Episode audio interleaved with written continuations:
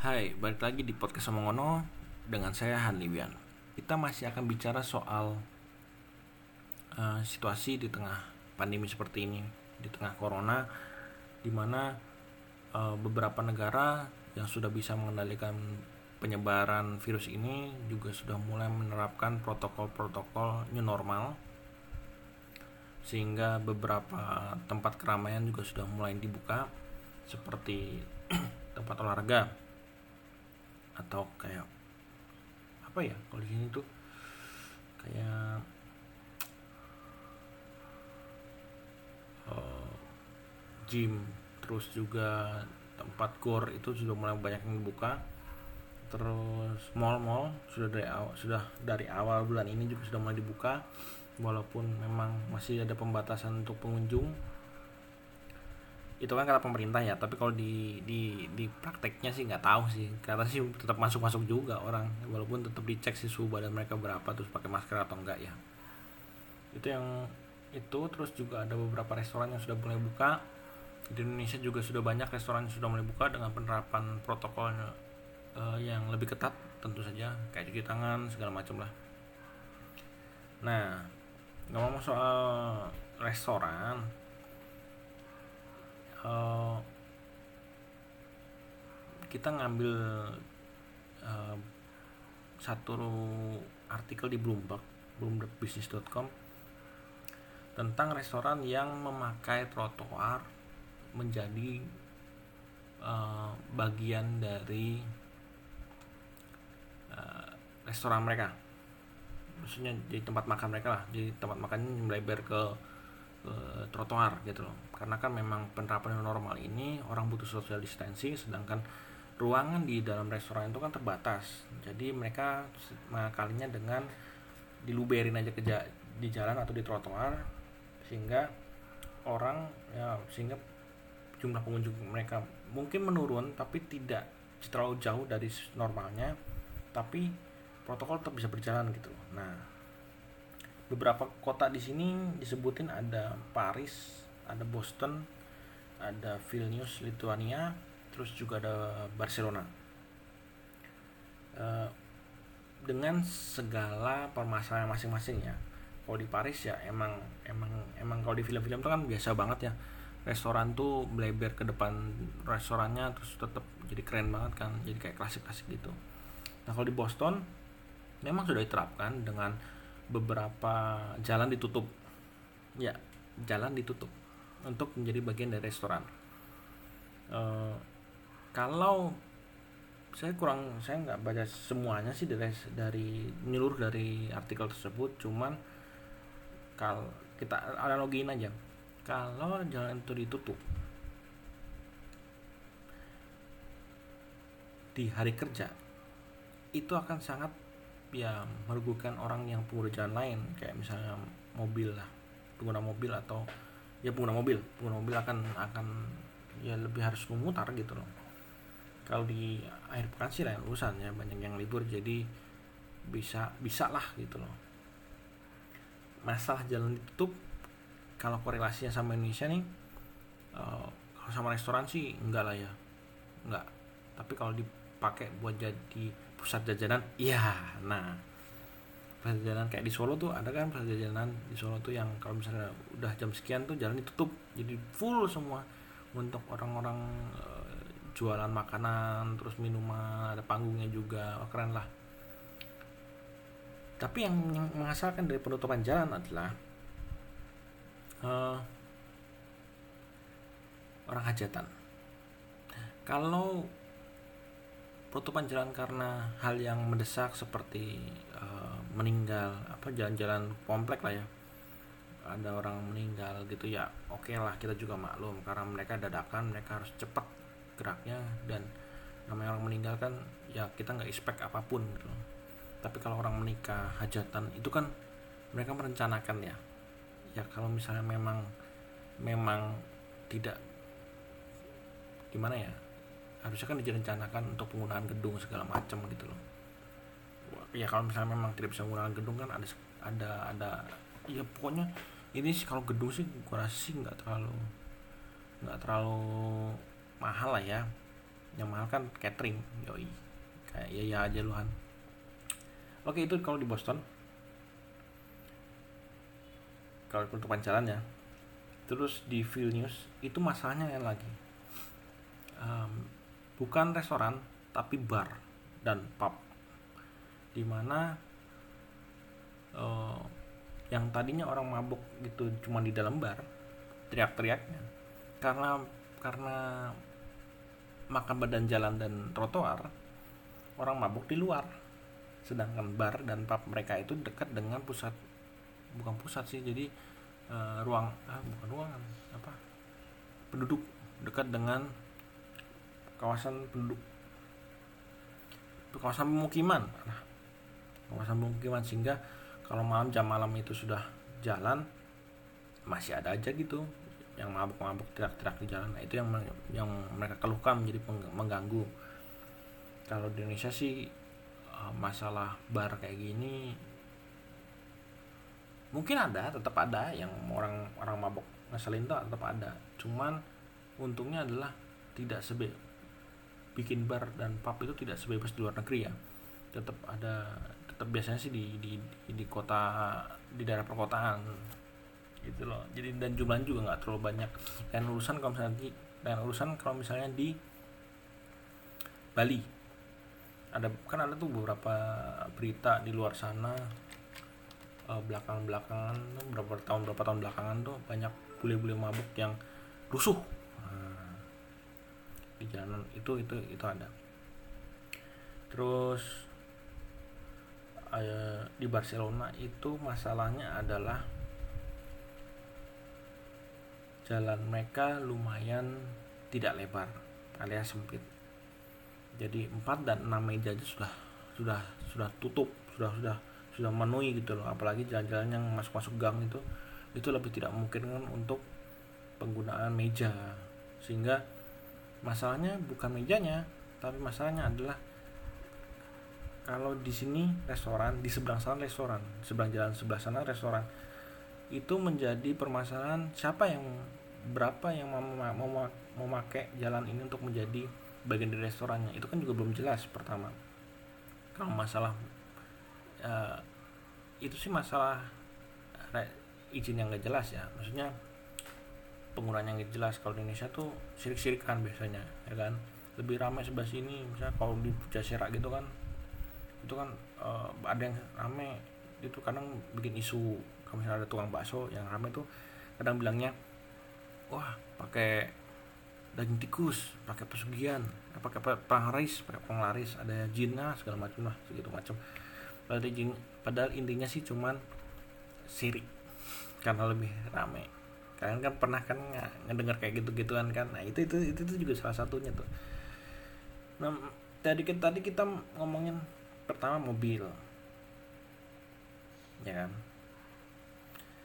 Uh, maksudnya kalau mobil di Boston itu kan kalau Indonesia sih kalau mau diterapin makan badan jalan kalau mau nerapin ambil dari badan jalan uh, kalau Indonesia tuh nggak mungkin. Kenapa? Karena kita tahu kan uh, setiap tahun nih peningkatan jumlah kendaraan itu kan lumayan tinggi tuh. Sehingga menyebabkan banyak polusi lah yang jelas. Kalau makan di luar uh, misalnya makan somai makan di luar itu somai bisa nambah tebal sendiri karena banyak polusi di luar sana yang nempel ke somai lu nah itu itu yang itu yang itu yang pertama nggak jadi nggak mungkin sih kalau di Indonesia sih. Walaupun memang kalau di Indonesia master-master kita pedang kaki lima udah menerapkan hal itu udah sejak lama gitu loh. Makan badan jalan kan? Nah bicara soal mobil kan tadi kita juga nyinggung mobil nih nyinggung soal mobil terus juga uh, nyinggung soal bar terus juga nyinggung soal uh, apa ya ya pokoknya nyinggung soal peningkatan mobil ini kan jadi tanggal 2 Juli kemarin di Indonesia itu sudah naik peringkat ceritanya dari lower middle income menjadi upper middle income. itu penilaian dari PNB ya dari yaitu kalau kalian yang yang agak kurang familiar dengan istilah ekonomi ini PNB itu penerimaan nasional bruto. Uh, itu didapat dari hasil hasil hasil pendapatan dari penduduk di, di, di dalam negara. Ditambah penduduk yang ada di luar negara dikurangin oleh WNA yang bekerja di dalam negara. Nah itu dapat PNB nah PNB kita tuh naik. Nah jadinya masuk ke kita masuk kita naik ke upper middle income. Sehingga uh, ya bisa dilihat lah kita banyak di di YouTube YouTube kita kan banyak tuh yang sering pamer gitu kan.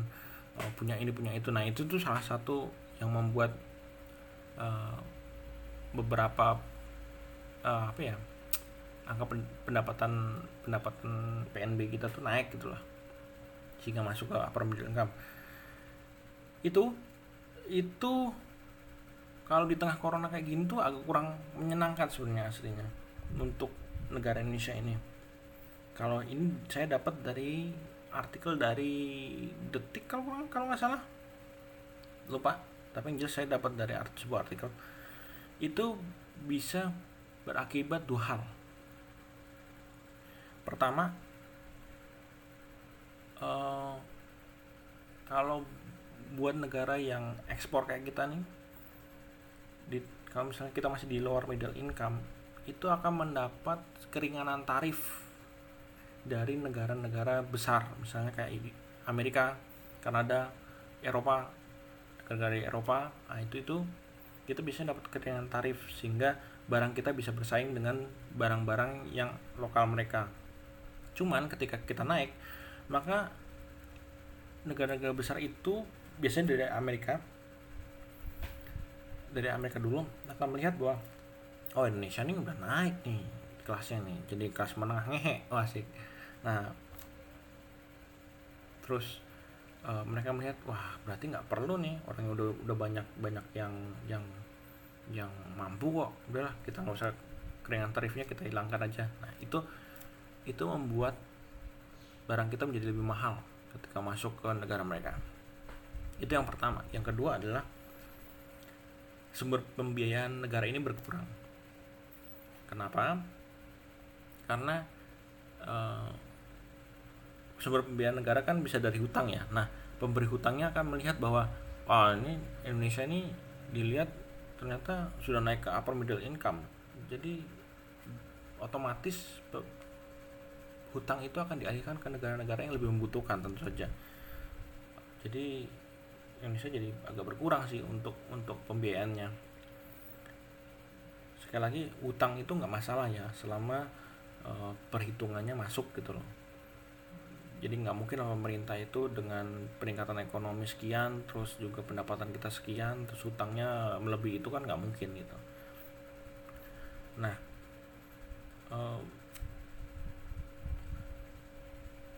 yang terjadi apa? Yang terjadi adalah uh, Indonesia jadi lebih sering mengeluarkan SBN, SBR dan obligasi. Ori. Oh bukan. Ori bukan ori. Obligasi negara ya. Uh, sedangkan SBR sendiri aja bunganya sudah 7% padahal kalau misal kita hutang itu nggak sampai 7% jadi membebani negara sendiri lah dengan naik itu uh, ini berkaitan dengan pendapat kita yang naik ya. Jadi cukup aneh juga sih tiga bulan ini kita terkena pandemi banyak yang banyak yang dirumahkan kegiatan belajar mengajar juga libur. Bukan libur sih tapi dialihkan ke online. Tapi uh, kita naik kelas gitu. Cukup cukup aneh menurut saya sih.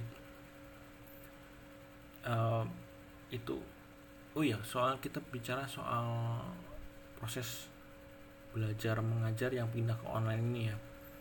Kalau di daerah perkotaan sih nggak begitu masalah karena beberapa guru memang guru kan umumnya sudah punya sudah punya laptop terus juga untuk akses internet lebih mudah karena kan di perkotaan tapi coba deh kalau misalnya kita bayangin kita ada di pelosok gitu ya di mana gurunya mungkin gajinya nggak besar. Dan otomatis barang mewah seperti laptop itu belum tentu juga punya. Uh, ditambah lagi akses internet yang susah. Jadi penerapan metode belajar kayak gini juga punya kendala tersendiri sebenarnya terutama kalau kita lihat dari sisi sisi apa ya sisi seorang guru yang di pelosok gitu. sudah gajinya kecil sarana prasarana juga kurang mendukung ditambah dari gaji yang kecil itu dia harus menyisikan untuk beli kuota untuk ngajar iya bukan kita hitung-hitungan sih tapi kan memang realitanya seperti itu kalau kalau di pelosok ya uh, jadi ya apakah efektif kegiatan belajar mengajar dengan online seperti itu? Saya kira sih uh, mungkin beberapa efektif tapi belum tentu semua bisa diterapkan. Misalnya kayak belajar matematika gitu. Uh, siapa yang garansi kalau anak itu ngerjain sendiri? Kalau nggak dibantu orang tuanya atau bahkan dikerjain sama orang tuanya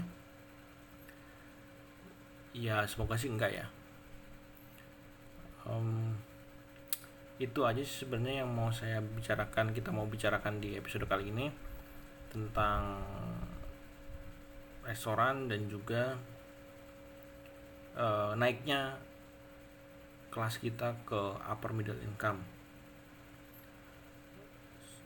Selebihnya sih sebenarnya tadinya mau bicara soal uh, pengangguran ya.